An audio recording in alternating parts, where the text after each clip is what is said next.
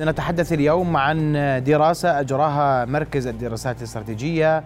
ماذا قدمت الحكومة؟ ما هي نتائج هذا الاستطلاع؟ لماذا كل هذا الفيض من الحديث عن الحكومة في هذا التوقيت؟ أرحب بضيوف الكرام في حلقة الليلة الدكتور زيد عيادات مدير مركز الدراسات الاستراتيجية في الجامعة الأردنية. مساء الخير. مساء الخير. ورحب أيضا بالكاتب والمحلل السياسي الأستاذ ماهر أبو طير. أستاذ ماهر مساء الخير. مساء الخير أستاذ محمد. رؤيا بودكاست. ودكتور زيد ابدا منك وسنستعرض جملة مما ورد في تقرير مركز الدراسات اليوم وأنتم اليوم 33% فقط يثقون يثقون في الحكومة ودراسه بس أنا بدي أسألك قبل ما أدخل في تفاصيل الدراسة شو المنهجية اللي عملتوا عليها الدراسة؟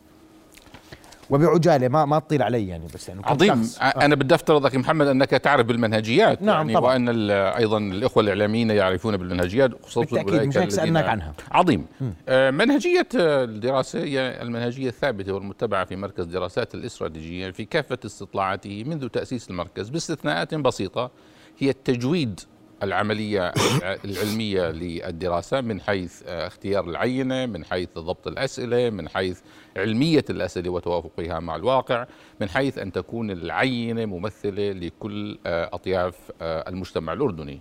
وعندما نقول أنها عينة ممثلة أخي محمد وأرجو أن يفهم ذلك وأن يستوعب ذلك أولئك الذين ينتقدون المنهجية على أنا على يقين أن الأردنيين يعرفون ذلك جيدا.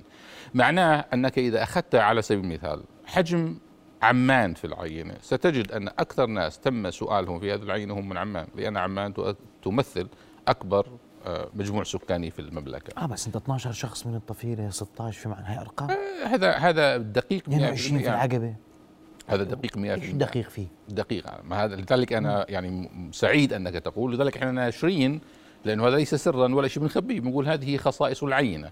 بنقول لك قديش متعلمين قديش شباب قديش ذكور والله متعلمين عليها. سؤال لأنها آه. آه هذا الموجود بنقول لك قديش أمي في 2% أميين آه وفي أقل من ثانوي آه آه 2% وفي ثانوي وفي دبلوم وفي أقل من ثانوي ثانوي 24% 24% نعم. ثانوي 43% تماما. والدبلوم متوسط 10% والبكالوريوس في أعلى 21 يعني أنت فإذا- 79% إذا- يا دكتور زيد إحنا شعب متعلم. نعم. 79% من العينه اللي انت بتحكي عنها اليوم تحدثت بما تحدثت به.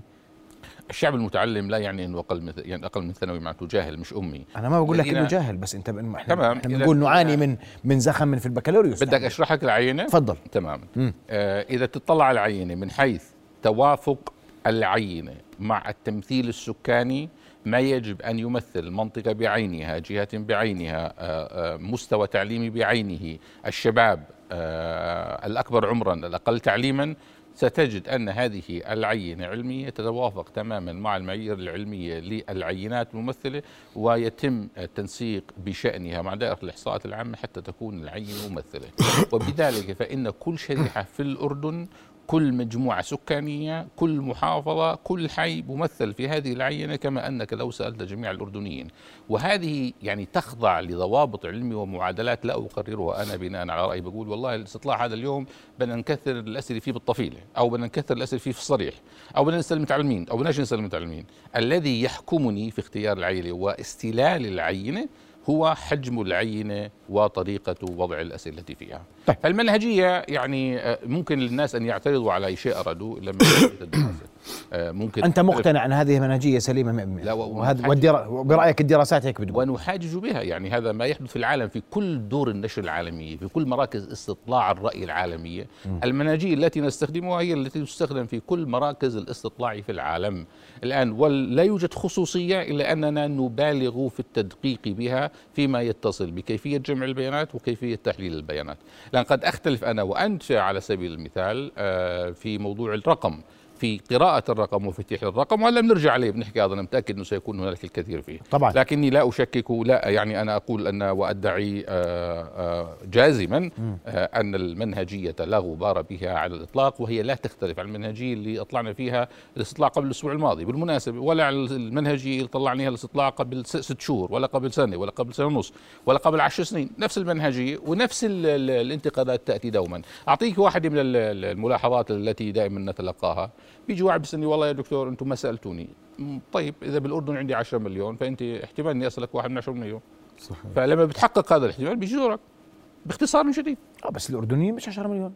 أنا بحكي لك على افتراض إنه الأردنيين على افتراض. 10 مليون. آه 7 مليون يعني. هلا إحنا كمان بالمناسبة إحنا بنسكن يعني بنسأل بإدارة الإحصاءات العامة الاردنيين فإحنا بنسأل العينة تمثل الأردنيين. طيب أسمع رأيك أستاذ ماهر وترافق أو سبق هذا الاستطلاع مقالك عشان نكون صريحين. نعم. مقالي ال- المنشور اليوم. منشور اليوم آه. نعم. يعني ما بعرف إذا أنا يعني ما بدي تعمل جسر بين المقال ونتائج الاستطلاع لربما هناك تزامن بالصدفة أو لربما يعني أيضا هذه إشارات على الرأي العام الأردني بشكل عام. يعني لا لا, لا يوجد تنسيق بين المقال وبين مركز دراسات أو جهة ثالثة تدير الأمر بشكل أدق. أنا أعرف ماذا إلى ماذا ترمي بالتحديد. إيه ولكن يعني لربما هذه مؤشرات على الرأي العام إيه في الأردن. أنا يعني في مقال اليوم المنشور في صحيفة الغد مثل فكرة معينة ومحددة قد يقبلها الرئيس الوزراء وقد يرفضها وهذا يعود له.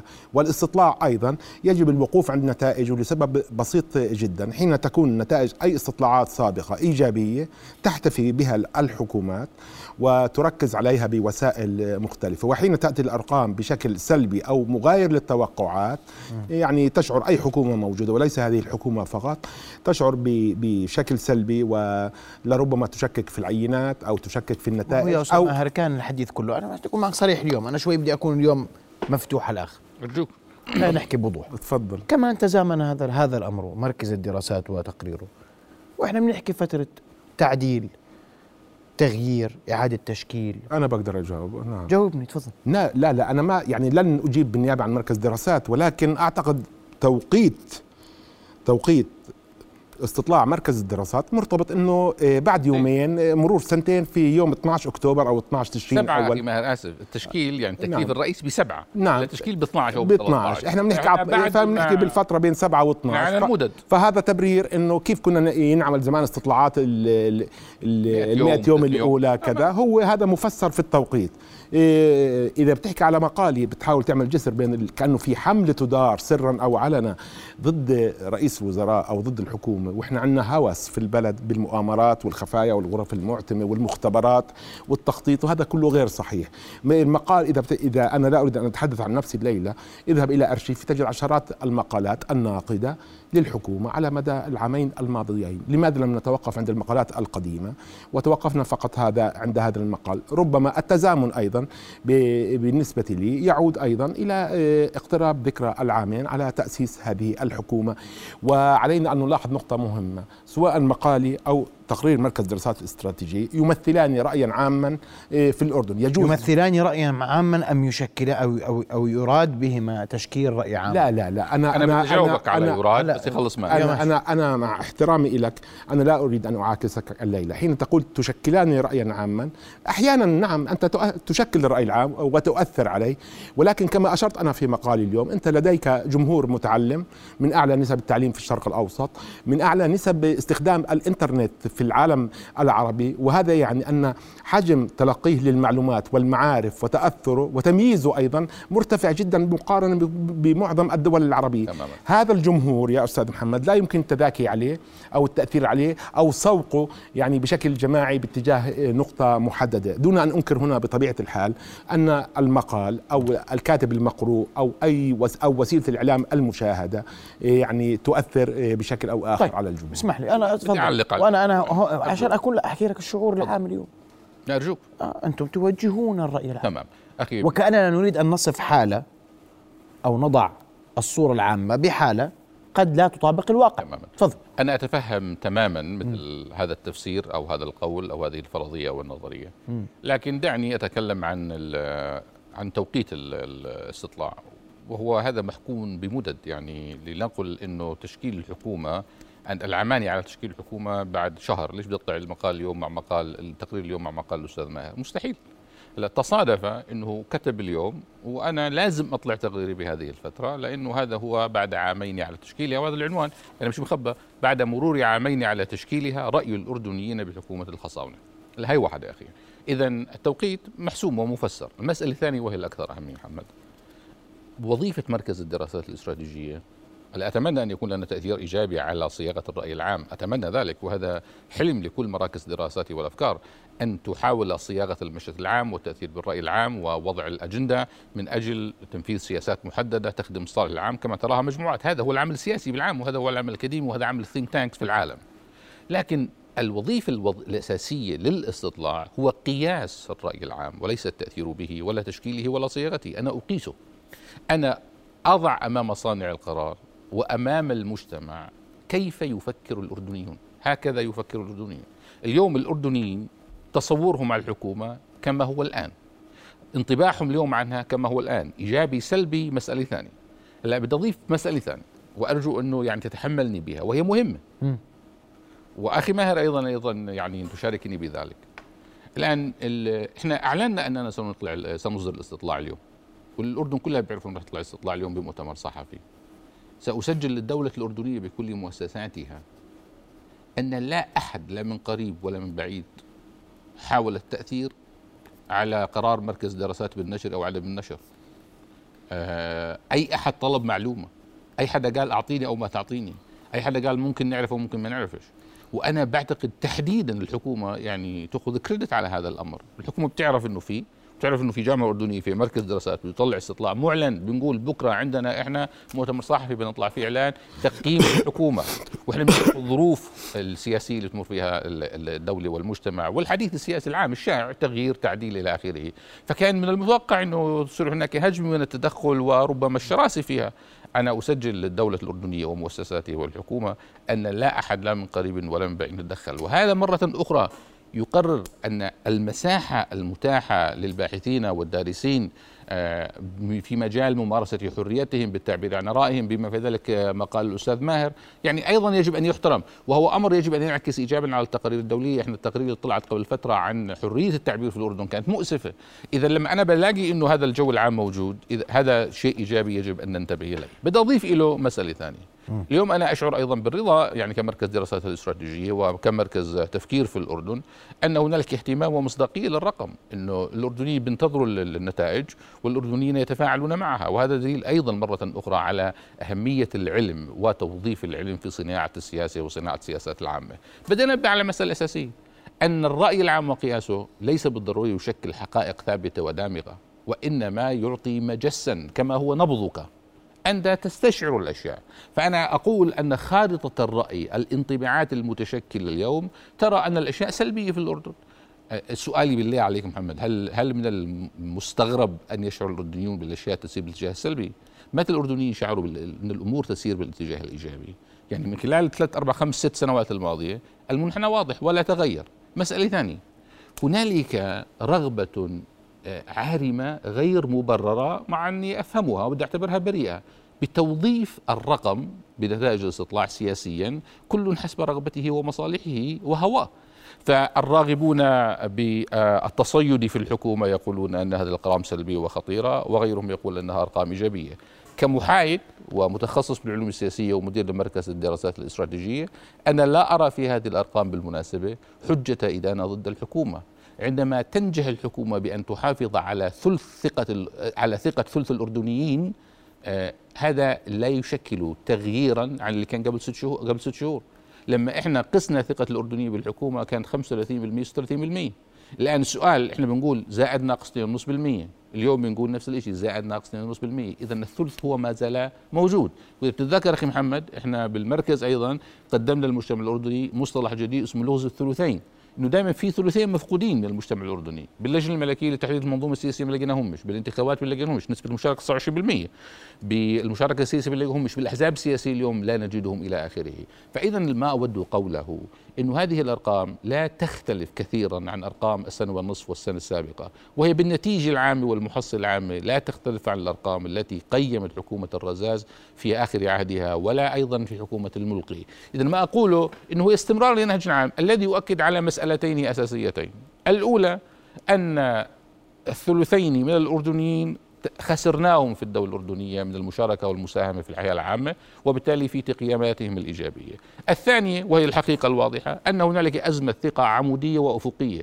يعني الأردنيين لا يثقون ببعضهم كيف يثقون بحكوماتهم ومؤسساتهم؟ هذا الرقم خطير هذا خطير جدا هذا هذا يرعبني أكثر من الحديث عن الثقة. يعني وهكذا. ودائما نسأل كيف نعم. وليش؟ يعني هل اليوم فعلا في تعاملاتنا لا نثق ببعضنا البعض هذا سؤال مهم. هل فعليا ما في ثقة بين الأردنيين؟ عندما يصدر المركز. اسمح لي أنا بسمع منك بس قبل هيك بدي أسأل الأستاذ ماهر. وموضوع الشعور السلبي. وهو قائم وموجود وملموس في كل مكان رغم كل محاولات دفعه بالإيجابية. نعم. ليش؟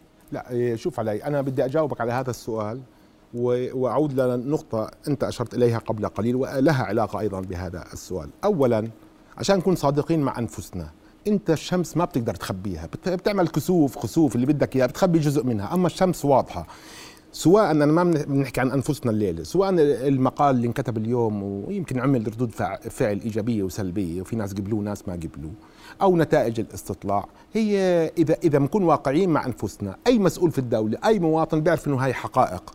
يعني لو المقال ما انكتب والاستطلاع ما طلع الواقع ما ب... مش مختلف. يعني مش فجأة صحي والله على مقال سلبي ونتائج سلبية وفجأة آه، شعروا بالسلبية وفجأة مش بثقوش بالحكومة وفجأة وفجأة. لا هذا الواقع هذا الواقع. بس تكثف هو على شكل نتائج استطلاع وتكثف على شكل مقال أو أحيانا بتكثف ببرنامج تلفزيوني أيا كان. هذا أولا. ثانيا السلبية يعني أنت لاحظ أنا بدي أقول لك شغلة بصراحة أنا دائما أعيب على رؤساء الحكومات في الأردن كلهم بشكل متتالي. ما بعرف ليش مش فاهمينها هيك.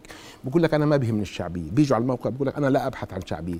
طبعا معنى الكلام هو من حيث المبدأ إنه هو راح ياخذ قرارات صعبة وما بهمه رد فعل الجمهور. هذا على الرغم من إنه رؤساء الدول في الغرب رؤساء الحكومات في الغرب كلهم حين تتدنى معايير شعبيتهم هذا بيعطيك مؤشر على إنه سوف يعني يخرج من اللعبة السياسية.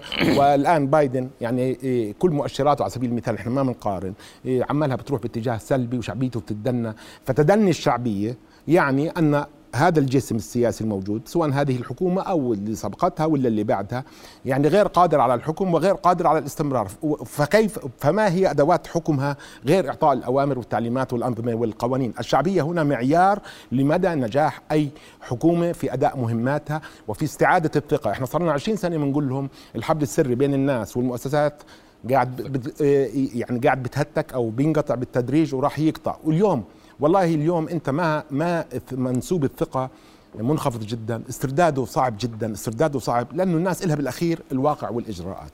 إذا برجع لسؤالك بعد هاي المقدمة طبعا أنا يعني أنا بدي أقول لك السلبية السلبية ما في ما في إنسان فينا بالأردن بيحب يكون سلبي. أنت طلع بوجوه الناس مرهقين.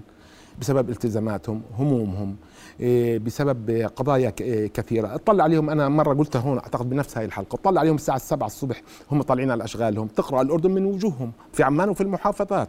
السلبية سببها ضغوطات الحياة اللي عليهم. أنا على أساس أتخلص من هاي الشعبية ما بينفع معي بالمناسبة. لا أغنية وطنية جميلة ولا بينفع معي شعار. ولا جدولة أحلام للمستقبل ولا أتهم الشخص اللي بينتقد أنه عدمي أو سلبي أو عنده أجندة أو بيأثر على مشاعر الجمهور. القضية يا رجل أعقد من هيك بكثير. القضية القضية لها علاقة بجودة الحياة بالأردن وتراجع الوضع الاقتصادي وتدني مستوى الثقة. أنا ما بحكي عن الحكومة هاي بشكل عام في تدني مستوى الثقة ما عندنا مشروع وطني. يجمعنا. إحنا إحنا عندنا أحاسيس اليوم. أنا بقول ابدأ تحكي كلام صريح الليلة. عندنا أحاسيس اليوم إنه إحنا تجمعات سكانية. بنقوم نأكل نشرب بس نرجع نبدأ نهار جديد. بس ما في وين المشروع الوطني اللي رابط بين مكونات المجتمع؟ المشروع الوطني ممكن يكون سياسي اقتصادي اجتماعي. ما في. في عندك جمهور موزع في في عمان وفي المحافظات بيعاني من إشكالات كثيرة. إيه، طاقته سلبية. طبعا الطاقه السلبية أنت يعني تبدأ من رأس الهرم في أي بيت. الأب مثقل الأم بالتالي مثقلة بينعكس على الأولاد في قضايا حياتهم رسومهم الجامعية إلى آخره. المجموع الكلي أنت اليوم. أنا قرأت رقم اليوم. يا رجل الرقم مذهل. يعني بقول لك الأردنيين خلال من بداية السنة لحد اليوم عشان أنا ما يخون الرقم أكثر من نص مليار دينار بشوي ماخذين قروض سيارات وشقق. راح يجي واحد خبير اقتصادي بده يرش على الموت سكر. بقول لك يا سلام شايف؟ هيهم كلهم معهم دفعة أولى هيهم بيدفعوا معناته في سيولة في البلد. بينما الرقم بيعطيك دلالة ثانية إنه كل الأردن مديونة. ما بيعطيك دلالة على أساس إنه الناس عمالهم بيشتروا سيارات أو بيوت. بالن- بالنتيجة بالنتيجة اليوم تعليقك يا محمد بس. بالنتيجة إذا سمحت لي بالنتيجة في مشاعر سلبية لا تعالج بهذه الطريقة. و وأنا أعتقد تعالج السلبية اجرائيا. تعالج بإجراءات فاع فاعلة على الأرض. وما في حدا بحب يعيش في بلده أو وسط أسرته أو عائلته أو أمام الناس مكشر مهموم مغموم. ولذلك أنا أنا بحكي لك السلبية هاي إحنا بدنا نحمد ربنا الليلة. شوف بدي أحكي لك نقطة كثير مهمة. السلبية في بعض الدول حين انتشرت بين بعض الشعوب تخلوا عن بلدهم ذات محنة وذات لحظة احتلال وفتحوا بلادهم للاحتلالات كما حدث بالعراق. بسبب مشاعرهم السلبية تركوا الاحتلال يدخل وليحدث ما يكون. إحنا السلبية عندنا لا تنفي وطنية الناس. الناس عندهم يعني محبة لبلدهم ما بدهم يخربوا البلد ولكن الحلول أمامهم منعدمة طيب. والسلبية تعبر عن حالة وجدانية. سأسمع رأيك بعد فاصل. اسمح لي. دكتور زيد. فاصل قصير ومن ثم نواصل ابقوا معنا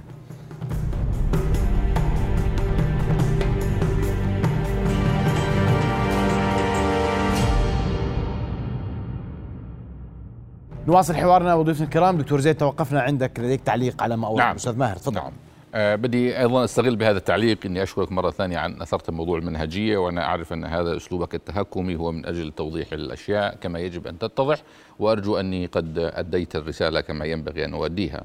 لأن آه، أخي ماهر أنت أثرت نقاط أساسية إنه صحيح الشمس ما بنغطيها بغربال وإنه في حقائق سواء في استطلاع ولا ما فيش استطلاع.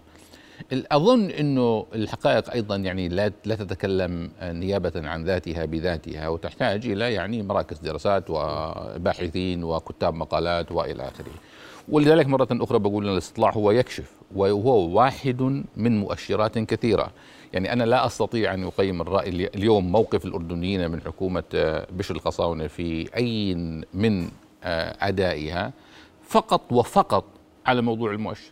هلا إذا اليوم بدي أعمل دراسة معمقة مثلا كيف يرى الأردنيون آه، برنامج الحكومة في استدامة مثلا ل آه، يعني مساعدة العمال وبرنامج هذا شغل الاجتماعي. ولا الضمان بتعتبره الضمان الاجتماعي؟ يعني أنا بعتبر إنه هذا سياسة حكومية هي أمر دفاع هي حكومية. هي بس دفاع. تكرمت علي أكمل فكرتي. تفضل وبجوز غيره من السياسات بجوز الاقي كثير من الأشياء اللي ما بيطلعها الاستطلاع آه، إذا الحكومة اليوم تأخذ كمان قرارات آه، أخرى. هلا هذا اللي بيهمني أنا يعني أنا بيهمني القرارات غير الشعبوية.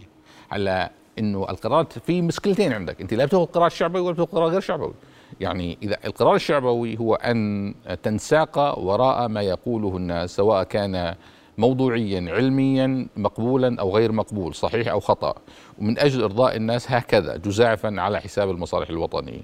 ومرات كثيرة. أنت بتحتاج أنك تدفع ثمن كسياسي بتأخذ قرار تعرف أنه ليس له قبول لكن أنت مضطر تعمله لأنه المصالح الوطنية العليا تتطلب منك أن تقوم بذلك. ولذلك بدنا نتفهم أنه الرأي العام هو حصيلة هذه التفاعلات التي تتم.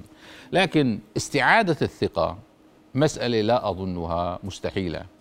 لأن وهذا ما يقوله الاستطلاع الثقة في مؤسسات الدولة عالية وما زالت عالية. فالأردنيون وإن سحبوا كثيرا من رصيد الثقة للحكومات المتعاقبة وليس فقط لحكومة الدكتور الخصاونة فإنهم حافظوا على ثقتهم بمؤسساتهم وهذا هو تفسير استمرار الدولة والمجتمع والاستقرار اللي حكينا عنه أنه بينما في الدول المجاورة تنهار المجتمعات بسهولة الأردنيون يثقون بدولتهم ومؤسسات الدولة يعترضون على سياسات بعينها. وقابلون وراغبون بأن يقبلوا على الدولة عندما تقبل الدولة عليهم. وصار عندنا مثال مهم أنا دائما بذكره بأزمة كورونا في بداياتها.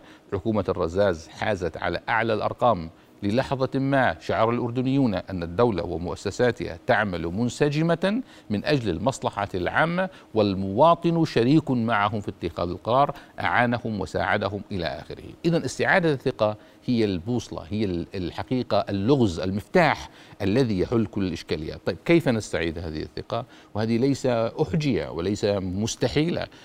بسياسات علمية موضوعية ونوايا حسنة صادقة وتكاتف المؤسسات من أجل خدمة الصالح العام.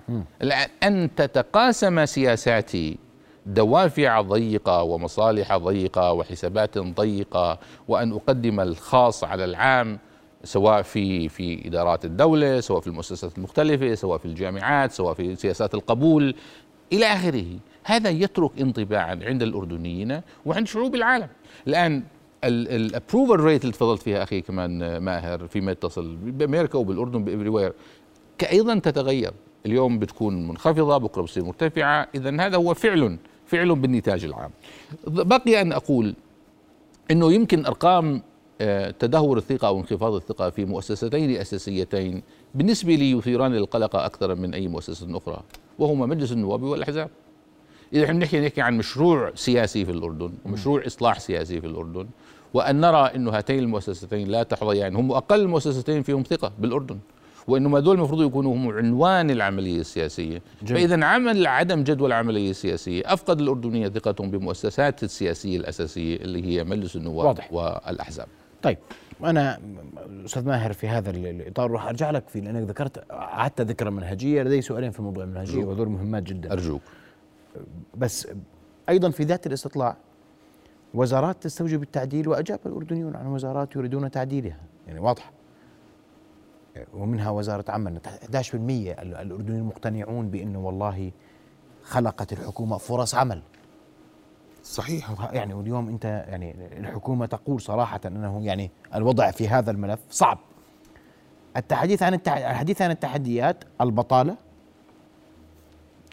التحديات غير الاقتصادية مخدرات سرقة جرائم. وتردي مستوى الخدمات الحكومية بصفة عامة. صحيح. فساد مالي وإداري وواسطة ومحسوبية. أنا بحكي عن نسب مختلفة. طيب. لكن من 44 33 27 إلى 16% الفساد المالي والإداري والواسطه والمحسوبيه طيب يعني هو مجموع هدول الأشياء اللي أنت بتحكي فيهم إذا بتحط وراهم يساوي عدم الثقة. ليش عدم الثقة؟ لما أنا بشوف المخدرات أنا يعني جهودهم مباركة جدا الامن العام بالحملات اللي انعملت آخر شهرين ومستمرة وبعرضوا حالهم للخطر وقلوبنا معهم. ولكن أنا يعني بعيدا عنهم بقول لك أنا طب كيف تسللت هاي الكميات قبل؟ كل هاي الكميات كيف تخزنت في البلد ودخلت؟ هذا السؤال الأهم. وهذا الكلام ما بينتقص من جهود الأمن العام. الله يحييهم ويعطيهم الصحة والعافية ويحميهم ربنا. كويس؟ كيف دخلت أطنان المخدرات وتخزنت في البلد ونشأت هاي الشبكات وكبرت؟ اذا أنا بدها تتولد عندي مشاعر. عدم ثقة. بتحكي لي على السرقة وعلى الجرائم. أنت شايف كل يوم إيش بيعلن؟ جرائم عنف عائلي جرائم حتى بالنمط غريبة نعم. ولها علاقة بالمخدرات. اللي تردي الخدمات طبعا يا رجل أي إيش أي خدمات؟ ما في خدمات. يعني أنا ما بدنا نمدح حدا الليلة يمكن باستثناء دائرة ترخيص السيارات ودائرة الجوازات والأحوال المدنية. إيه أنت لما بتروح على اي مكان آخر في ذلك الصباح بتتشهد ألف مرة وتستغفر لذنوبك لأنه أنت عارف رايح على على على على على على معركة. على, على معاناة طويلة يمكن ربنا بده إياك تكفر خطاياك أو أخطائك عرفت؟ وصار لهم سنين بيحكوا على الحكومة الإلكترونية. في أشياء تحسنت طبعا ولكن في مشكلة في الخدمات حتى مش بالمعاملات مشكلة بالخدمات بالصحة بال بالخدمات الصحه التعليم البنية التحتية النقل. البنيه التحتية. أنت أنت ما بتشوف مع اليوم كل الأردن يا أستاذ محمد مم. الأردن لحد نهاية الثمانينات كانت تتباهى ببنية تحتية مش موجودة بالعالم العربي وهو بلد إمكاناته محدودة وكذا. بال... وانت عارف أيضا إنه البنى التحتية والخدمات إذا ما عملت لها ابديت أو تحديث أول بأول مع زيادة عدد السكان إيه، بتتراجع إلى إلى الوراء. أنا عندي نظرية مهمة. وأنا مش بمدح بالنظرية. في نظرية كويس. لازم تسمعها. لو إحنا دا إحنا إحنا صرنا إحنا بالأخير استسلمنا. صرنا نقول للحكومات ما بدنا وظائف جديدة وما بدنا تزيدوا الحد الأدنى للأجور وما بدنا رواتب بس لطفوا علينا الحياة. سياسه يعني نظرية التلطيف لطف علي الحياة. يعني بروح على معاملة تمشي اموري بشكل ميسور. بضطر حدا لطوارئ مستشفى حكومي فيش داعي أتبهدل بصير أدور على واسطة. إيه، بأخذ موعد لصورة أشعة بمستشفى حكومي تروح الموعد ست أشهر. أنت من عقلك ست أشهر راح يقول لي بيطلع لك مسؤول أنا بحكي لك كلام. بيطلع لك مسؤول بيقول لك آه بريطانيا كمان باخذوا ست أشهر. يعني أنت ما اخذتش من بريطانيا غير الضغط على الخدمات الصحية. وما انتبهتش لبريطانيا بالتعليم جودة الشوارع القضايا الثانية. يعني هاي هي المشكلة. ولذلك مجموع هاي القضايا هي بتأدي البطالة يا رجل. البطالة أنت البطالة وال, وال ولاحظ اليوم الحكومة نفسها معترفة بالبطالة. حتى تصريحات الرئيس الأخير قال لك آه أنا بعرف إنه في بطالة وفقر. طب آه أوكي. وبعدين؟ إحنا بدنا نحل المشكلة. في أنت اليوم عندك بدون كلام يعني كلام إيه، سفيه ويحمل تحريض على أي حدا في فوضى بسوق العمل. ليش بتقول لي نظرتهم وزاره العمل هيك؟ في فوضى بسوق العمل. الأردن مصب سكاني. وبدون ما نسيء لحدا أو نمس حدا. كلنا إحنا أهل وأشقاء ودم واحد وقومية قومية واحدة ودين واحد أو دينين بالبلاد الشام. شايف علي؟ أنا بس بقول لك إنه ما في تنظيم لسوق العمل. ما في عملية يعني استبدال أو إحلال في في الوظائف. وظلوا يقولوا لنا الأردني ما بيقبل. والله يا رجل أنت هاي نظرية العيب. أنت شايف بنفسك إنه صار يقبل أي شيء يقبل أي شيء بس يلقى يلقى الحد الحد الأدنى في حقوقه. فأنا بحكي لك بنهاية المطاف كل هذه الأرقام وأنا بستغرب جدا إذا كانت الحكومة الحالية أو حتى اللي قبلها اللي انعمل استطلاع إذا بتستغرب من هاي الأرقام. من هم عارفين الصحيح؟ هم عارفين الصحيح وإحنا شعب فنان على مستوى الخبراء والمختصين والمسؤولين على مستوى الناس في تشخيص الأزمات. طب ما زهقتوا من تشخيص الأزمات؟ متى بدنا ندخل على الحلول؟ والله أنا بدي أنا اسمح لي أستاذ محمد أقول بدي بدي بدي, آه. بدي أسمع منك وأنا عندي سؤالين في في في في في بداية وأنا بحكي عن أبرز النتائج. نعم. وأتحدث عن الثقة والأداء. نعم. عندي سؤالين وبدي جاوبني عليهم بكل صراحة. بكل سرور. الأول لم تنجح الحكومة في تنفيذ 19 بندا من أصل 22 تم تكليف الحكومة في العمل عليها في كتاب التكليف السامي. نعم. اطلعوا اللي سألتوهم على كتاب التكليف السامي بناء عليه أجاب أجابوا السؤال هذا واحد. الثانية قول لي غلط. 32% يثقون برئيس الوزراء مقابل 68 لا يثقون. نعم. هذا مستحدث لم يكن سابقا نعم في الدراسات. ليش؟ صحيح. طيب اجاوبك عليهم ولا أعلق أول؟ خليني أعلق عشان ما أنساش. عشان أعلق عشان ما ماشي تفضل. سؤالينك مسجلين. يلا. آه وأنا بشكرك مرة أخرى أخي يعني إذا بتجيب آه هذه التحديات بطالة فقر تردي الأوضاع المعيشية ارتفاع الأسعار المخدرات السرقات الأتوات اللي عبروا عنه الأردنيين الواسطة المحسوبية آه تردي الخدمات العامة.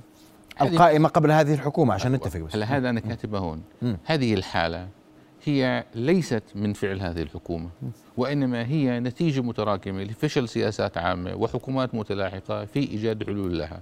هلا هنالك أسباب موضوعية للفشل، هناك أسباب غير موضوعية للفشل. علينا أن أيضا ندرك إنه هذه الحكومة تحديدا والحكومة التي سبقتها قليلا يعني جاءت في ظروف صعبة جدا، ظروف وباء عالمي كورونا.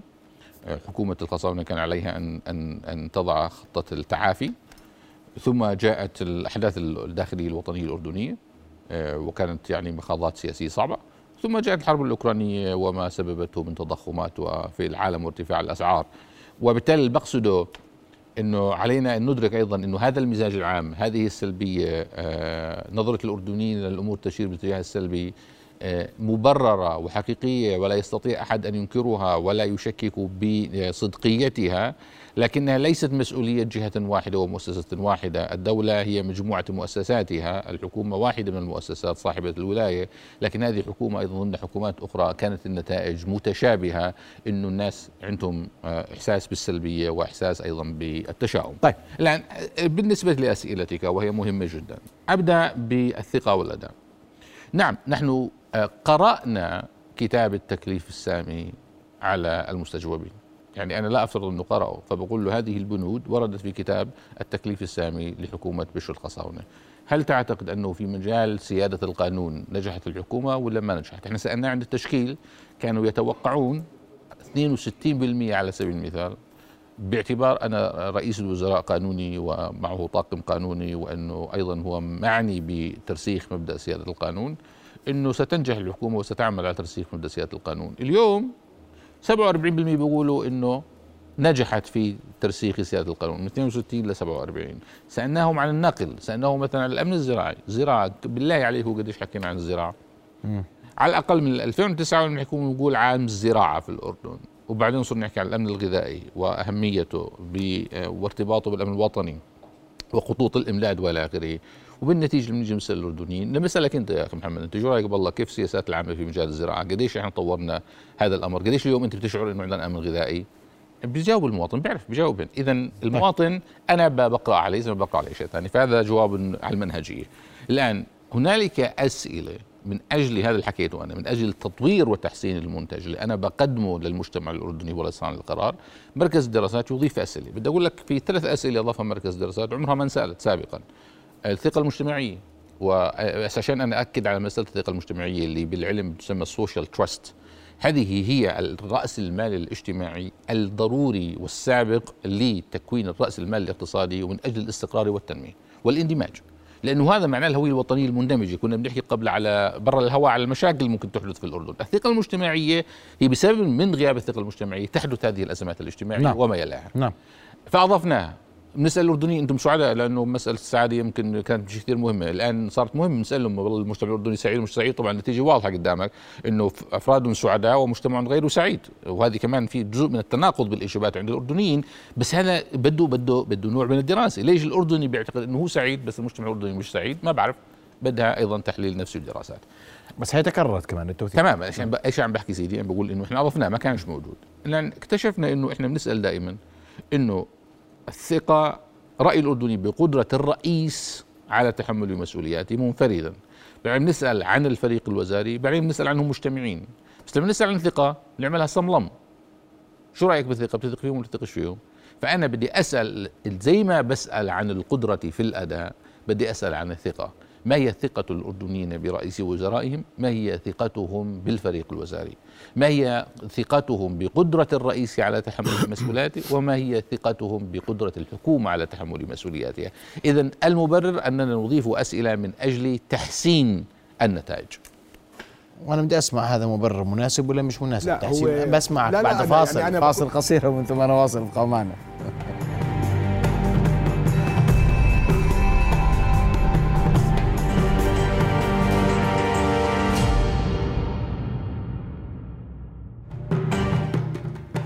نواصل حوارنا وضيوفنا الكرام وتوقفت معك أستاذ ماهر وأنا يعني سألت في موضوع كتاب التكليف وأيضا في موضوع السؤال عن الرئيس والبعض أنا يسمح لي الدكتور زيد كأنها شخصنه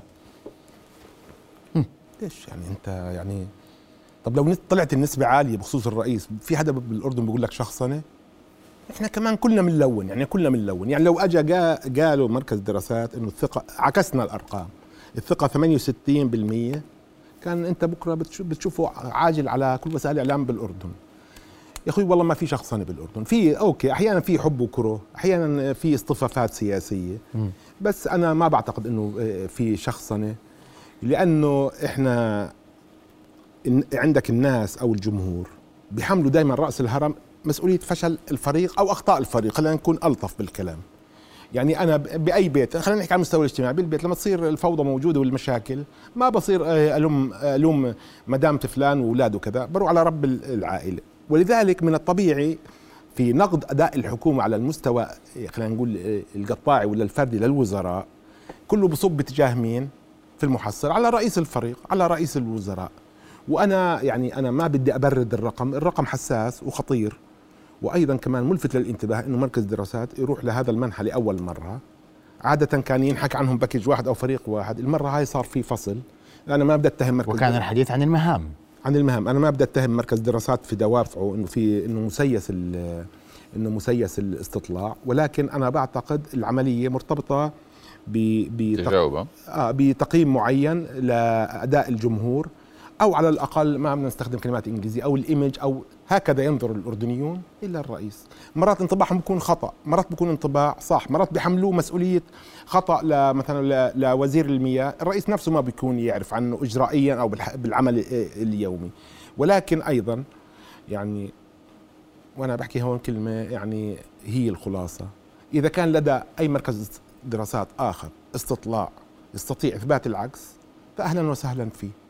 بس بدون دوافع مسبقة إنه أنا أدمر سمعة الرئيس لا سمح الله أو إني أحسن من رصيده وسمعته جميل. نعم بس أخي محمد اسمح لي. اسمح لي بس أسمع الأستاذ عمر عياصر عنده تعقيب على ضروري هاي لأن بتروح بعدين اللي هي آه، إنه التسييس لل آه آه التسييس والدوافع. هلا هو السؤال عن الرئيس مفصول عن السؤال عن الحكومة. يعني شو الفرق بين أقول للناس ما هي ثقتك بقدرة الرئيس على أداء مهامه؟ زي ما بنسال صار لنا 10 سنين. وأقول له ما هي ثقتك بالرئيس؟ شو بفرقنا عن بعضهم لا شيء. إحنا أضفناها عشان إنه في عندي محور ثقة ومحور أداء. بفصل الأداء عن الثقة عشان صانع القرار والرأي العام يراه كما يرى هاي أول واحد. اثنين اليوم هكذا يرى ال- الأردنيون انطباعهم زي ما قال الأخي ماهر عن الرئيس أو الحكومة. إذا الحكومة غيرت أو عملت بكرة شيء ما وسألت الأردنيين بتحسن. ممكن تت- ممكن تت- تنزل ممكن تطلع. صحيح. المسألة تقيس اليوم. صحيح. جميل. أستاذ عمر عياصرة النائب في مجلس النواب الأردني مساء الخير. مساء الورد يا مرحبا لك ولضيوفك أستاذ محمد يا هلا. أستاذ عمر أسمع وجهة نظرك بما ورد في استطلاع مركز الدراسات الاستراتيجية اليوم. وعديد الأسئلة حول توقيت هذا الاستطلاع أجاب عليها دكتور زيد ما احتواه من نتائج أيضا علق عليه الأستاذ ماهر وأجاب عليه دكتور زيد. أسمع وجهة نظرك أستاذ عمر. يعني أنا بالنسبة للتوقيت أنا يعني ما بصطف مع صديقي زيد عيادات لكن سيبقى هناك تساؤلات حول التوقيت. يعني طبيعة المجتمع الأردني كونه الآن نتحدث عن تعديل بقاء رحيل كل هذه القصص اللي تحدثنا عنها قبل فترة أستاذ محمد. نعم. باعتقادي إنه الكل سيطرح سؤال لماذا هذا التوقيت؟ لكن أنا آه أثق بمهنية مركز الدراسه وأن الدراسات وأنا أجاوب توقيت. لكن خلينا نرجع لقصة ما حاز عليه الرئيس من نسبة تعتبر متدنية. شوف آه أنا آه يعني أثق بكل الإجابات التي جاءت وكل يعني بمنطق الدراسة ومنهجيتها. لكن اليوم بدي أروح للجمهور الأردني. آه أي مسؤول يسالوا عنه اليوم بعطيه صفر في البداية. يعني إنه حصل 32 33 بده يكون بطل. بده يبدأ يعني راكم ما استطاع إلى ذلك سبيلا. لذلك اليوم انطباع الجمهور الأردني لا يثق برئيس الحكومة. يعني هذه إجابة يعني مسلمة. أنا مش متفاجئ. ولن يثق بالبرلمان. ولن يثق بشخصيات كثيرة. وإذا سألته عن مرجعيات أكبر ربما يتخوف قليلا يأخذ نسبة أكبر. بمعنى أن اليوم الجمهور الأردني ساخط غاضب حردان يتعامل مع الحكومة على قاعدة الرفض. وهذا إحنا لامسينه لامسينه في من خلال التتبع والاستقراء بعيدا عن قصة الدراسة. اجلس في أي جلسات لاردنيين مثقفين غير مثقفين مسؤولين سابقين أو يعني سيصبحوا يطمحوا ان يكونوا مسؤولين.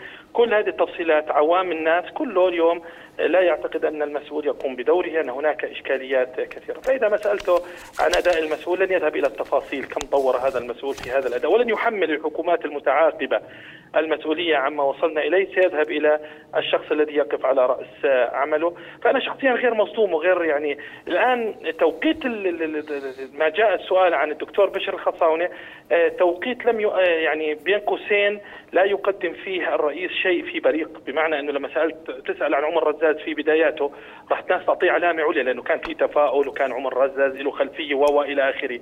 فاليوم القصة أنا براها منطقية وهذا لا تعني لا تعني أن التقييم موضوعي أنا بحكيش عن الدراسة الدراسة موضوعية لكن لا أرى أن التقييم موضوعي في ظل غضب الناس. لا يقضي القاضي وهو غضبان لا يقضي القاضي وهو نعم. في حالة سخط. وبالتالي كل هذه الأرقام التي أعطيت اليوم إذا سيقت في إطار موضوعي علينا أن نراجعها. بمعنى السياق الموضوعي هذا الرئيس كم يؤدي في التفاصيل؟ هذا الرئيس ربما يأخذ علامة أدنى أو أكثر بعرفش يعني أنا ما بقيمه الآن لكن في النهاية أنا باعتقادي أن الجمهور الذي يتحدث مثقف وغير مثقف حتى لو كان من النخبة اليوم الكل غاضب وساخط والكل يتذمر وأصبحت يعني قصة أقرب إلى سيكولوجية الجماهير معادل موضوعي للسخط الشعبي. فبالتالي يعني يمكن قراءة الدراسة على هذا النحو.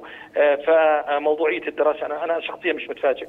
نعم. لن, أشكرك. لن يصيبني المفاجأة لكن أرى أن هناك إشكالية في الذي يقدم المعلومة بمعنى الجمهور هذا الجمهور غاضب اليوم لو سألته عن محمد الخالتي يعني بدك تبدأ من الصفر حتى تطلع عن ماهر أبو طير عن الإعلام راح تبدأ من الصفر حتى تطلع ليست الأمور في حالتها الطبيعية بمعنى أن يكون التقييم مباشر نحو ما يستحق هذا واضح جدا الشخص. أشكرك كل الشكر النائب عمر العياصر كنت معنا عبر الهاتف. إحنا شو قال؟ وهو لم لم يشكك في مصداقية ما ورد ولكنه يقول أن أي مسؤول اليوم يبدأ من الصفر. الثقة في المسؤولين صفر. فهذه هذا الرقم والتوصيف لعمر عياصر هذا رقم بطل. رقم. اليوم إذا دخلنا في التفاصيل وفي الإجراءات قد يحوز الرئيس على المزيد أو يحوز على الأقل. صحيح. صحيح. هذا هذا دقيق 100% وأنا يعني هذا ما فهمته مما قاله أخي عمر وأنا بشكره على هذا هذه المداخلة. وهذا بالضبط الذي يعنيه موضوعية الدراسة، منهجية الدراسة وموضوعيتها أن تقيس المزاج العام والرأي العام كما هو عندما أسأله. هلا أنا ما بقول إنه هذا المزاج العام وهذا الرأي العام ثابت محنط ومقدس ما بتغيرش، بالعكس تماما، وهو هذا المزاج العام كله يعبر عن حالة غضب وحالة من السلبية وحالة من التشاؤم سببها الأوضاع العامة التي يعيشها الأردن وهنا يقول عمر عياصر أنه هذا ليس وقتا لقياس الرأي العام مع تحفظه على التوقيت رغم رغم يعني يعني أنه يقول بوضوح مصداقية هذا المركز ونتائجه موثوقة التوقيت علامة سؤال لا يحلها أحد. تفضل. يعني أحلها أنا طبعا. انت حليتها وأكد أنه كلامك منطقي وهو يثق يعني بمصداقيته. يعني ما في حدا بيطعن بنتائج ال- المركز الليلة وأنا برجع أقول لك إنه على مشارف السنتين جاء يعني أعتقد استطلاع ال- المركز. ما هو أهم من الاستطلاع يا أخوان؟ يعني النقطة هذه أظنش في أهم من الاستطلاع لا في أهم. لا لا في أهم في أهم. إذا يعني أنا بدي أقول لك كلام افتراضي بدون ما ينفهم مني إشارة على شيء. إذا بقي الرئيس في موقعه وبقيت الحكومة بدلا من هذا الجدل والتشكيك والتلاومات الوطنية لازم يجي واحد يقعد. ليش النتائج هيك؟ تمام. وأقول هذا آه okay خلينا نعترف لو داخليا بلاش قدام الناس. وتعال نصحح الأداء أحسنت. ونغير الأمور. ما أنا حامل عليه سيف ولا أنا بدي احرق الاردن ولا طالما أنك المحت للتعديل أو التغيير أو إعادة؟ التشكيل. طالما أنك المحت للتعديل أو التغيير أو إعادة بقول لك التشكيل إذا الله اليوم. أعلم. إذا الله أعلم شو الوضع؟ بعتقد إيه، إيه، الرئيس شخصيا لا يعرف ماذا سيحدث. أنا أعتقد بكل صراحة يعني خليك من التسريبات اللي اللي الملونة لاعتبارات معينة والاجتهادات التسريبات اليوم ملونة لغايات معينة. بعضها وليس كلها. والتحليلات السياسية أنا بعتقد أن الأمور غير واضحة. حتى هذه اللحظة عندنا وزيرين مش موجودين بالأردن. معقول يعني يصير تعديل ت- تتغير الحكومة الليلة؟ ويعني بدهم يطردوهم ولا يردوا يحلفوا منفردين ولا يدخلوا فجأة ولا يحطوا محلهم؟ بغض النظر عن التوقيت أنا بعتقد أن الأمور غير محسومة م- غير محسومة من حيث التوقيت. الله أعلم إيش اللي راح يصير الأيام الجاية. هذا أولا. ثانيا أنا أعتقد أن الرئيس نفسه يعني برغم إنه عماله بيحاول يعني هو بزور محافظات وبتحرك وكذا وهذا بيثبت إنه بيحاول يرفع يعني رصيده بين الاردن بس في النهاية ما في إجراءات لأنه بقول لك ما في فلوس. بنرجع لنفس نقطة الصفر تبعتنا. نعم. إيه وبنهايه المطاف إيه شوف بالأردن اللي اللي بيعرف بس صاحب ال- القرار أو مركز القرار أو حتى بالس... وفي حكو... في رؤساء وزارات وأنا بحكي لك معلومة هون تبلغ جهز حالك للتعديل. قدم قائمة التعديل قالوا له الله يعطيك العافية غيرنا رايه ما بدنا إياك تعمل تعديل. وهذا ليس الماها على الرئيس الحالي ولكن علينا أن ننتظر ماذا ستأتي به الأيام. نعم. بنص دقيقة تعليق على هذا الموضوع التعديل التغيير وإعادة التشكيل. يعني كما قال الشائعات التي دارت تمام تمام. يعني هذا هو آه، ما يستأثر بالرأي العام الأردني والنقاش العام في الأردن حول هل هنالك تعديل هل هنالك تغيير هل هنالك تشكيل. أنا أتفق مع ما قاله أخي ماهر. لا أظن أن أحدا يعرف إلا صاحب القرار. الظروف الموضوعية اليوم تقول بأنه يعني آه، كل الاحتمالات واردة لكن لا يوجد احتمال يرجح على الآخر نعم. أشكركم كل الشكر ضيوف الكرام. شرفتوني بحضوركم مشاهدينا الكرام. إلى هنا وصلنا لختام حلقة الليلة. نلتقي غدا. رؤيا بودكاست.